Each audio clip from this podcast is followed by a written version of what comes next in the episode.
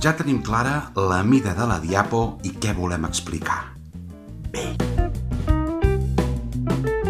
Ara toca, abans d'escriure una sola línia, decidir quin serà el disseny de la nostra presentació. Si trieu una plantilla de PowerPoint, que Déu us agafi confessats.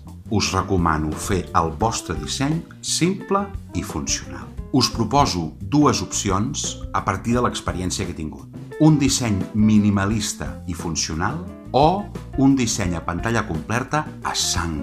El primer que cal establir és l'estructura, l'esquelet de la diapositiva. Heu de visualitzar un marc de seguretat on no hi podreu posar textos. Imatges ja veurem. Penseu quins elements importants hi ha d'haver repetit a cada diapo i quins no.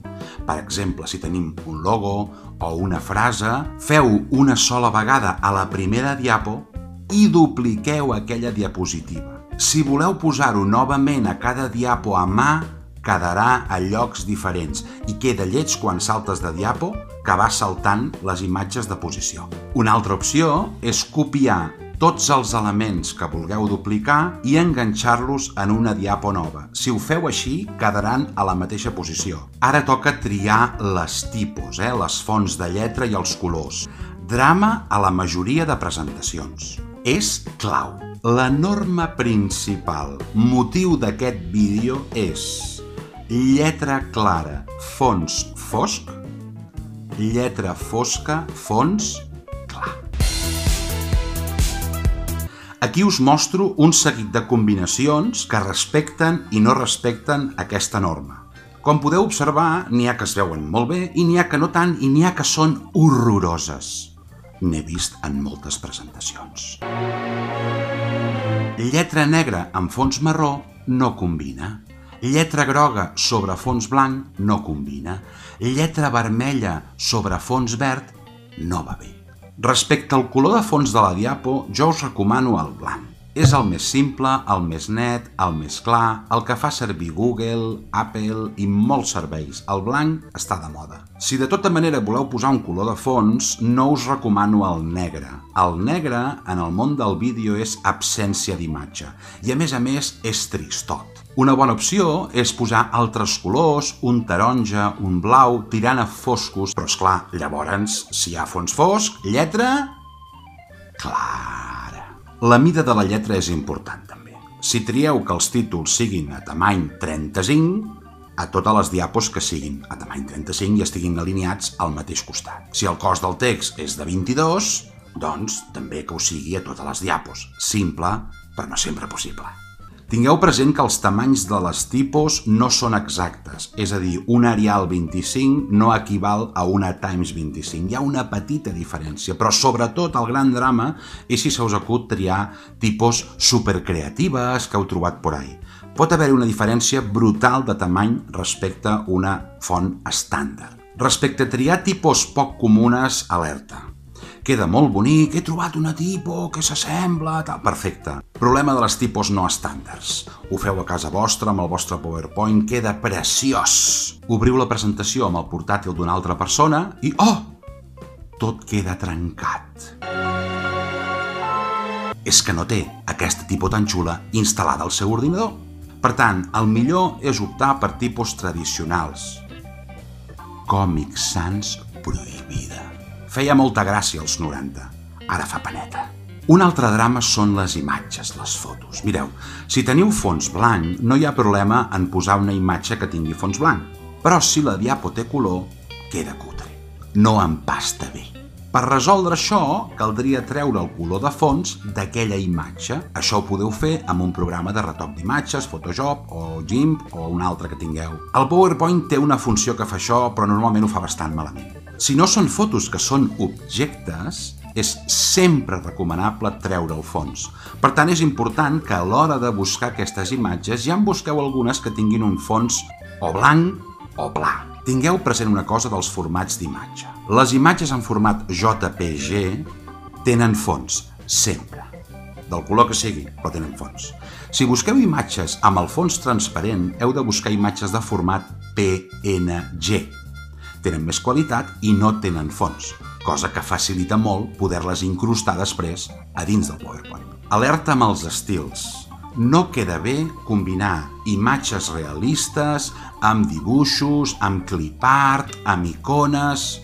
Millor que aposteu per un estil, el que sigui, Oblideu-vos de decorar powerpoints amb llumetes, amb musiquetes i amb cosetes war art i coses d'aquestes. És cutre. Ens feia molta gràcia als anys 90 i ja no fa. Proporció i mida de les fotos de les imatges. No les deformeu. Si voleu una imatge més gran, aneu a Google i busqueu una imatge amb més tamany. Si la vostra diapo és 4.3 i fa 640 x 480 píxels, si us descarregueu una imatge de 150 x 150 píxels, serà petita. No la podeu estirar. No. Una persona, un animal, un objecte tenen una proporció. Si estireu cap a un costat o cap a l'altre, pixel el PowerPoint i altres programes tenen una eina de retallar, el crop en anglès, que permet ajustar pels extrems aquella imatge sense deformar-la. Mireu d'alinear les imatges al màxim creant caixes. Mireu de que estiguin amb unes certes línies proporcionals estètiques. Tingueu present una cosa. Si us descarregueu una imatge que fa 3.000 per 4.000 píxels, quan la poseu al PowerPoint es veurà molt gran. Què feu? La reduïu. Bé, doncs sapigueu que la reduïu, visualment es veu més petita, però pesa el mateix. Si pesa 20 megas, aquella imatge pesa 20 megas. Després us queixeu perquè teniu PowerPoints de 300, 400 i 500 megas. Una barbaritat. Faig un apunt de mides i resolucions. Una cosa és la mida, 1280 per 720, una imatge. I l'altra cosa és la qualitat que té, el gramatge, podríem dir que això són els píxels per polzada. Són coses diferents.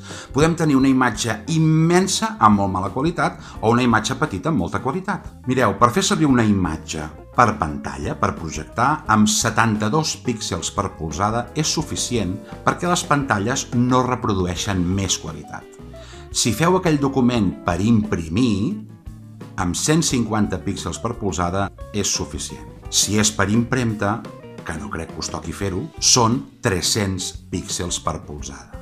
No poseu més mida ni definició de la necessària pel document o pesarà molt. Hi ha una opció a PowerPoint que permet reduir el tamany de les imatges totes alhora. Busqueu en els menús i ho trobareu reduir tamany d'imatge. Al principi us he parlat de disseny de pantalla completa a sang això vol dir que les imatges poden arribar a l'extrem de la diapo, saltant-se aquest marge de seguretat. Els textos no. Això es pot fer, queda bonic, ho heu de saber fer, però llavors si ho fem, fem-ho sempre. Per mi la millor opció és foto a pantalla completa. Si la diapo fa 1280 x 720, busqueu imatges d'aquesta mida exacta i us quedaran clavades. Recordeu de no posar molt de text frases, frases que us ajudin a la vostra explicació. No feu llibres, és avorrit i no ens agrada llegir pantalles. La gent es cansa i no us escolta. Mireu, per acabar, us poso un exemple d'una diapo amb els mateixos elements posats sense cap criteri i posats seguint una mica els patrons que us acabo d'explicar.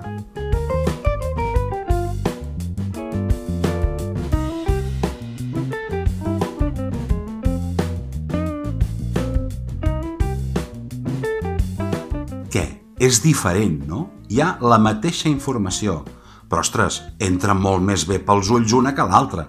Per tant, no és tan difícil, sense ser dissenyador, seguir uns patrons mínimament estètics. Els alumnes estan acostumats a discernir molt ràpidament entre les coses cutre i les coses pro, com diuen ells. Per tant, mirem de ser una miqueta pros.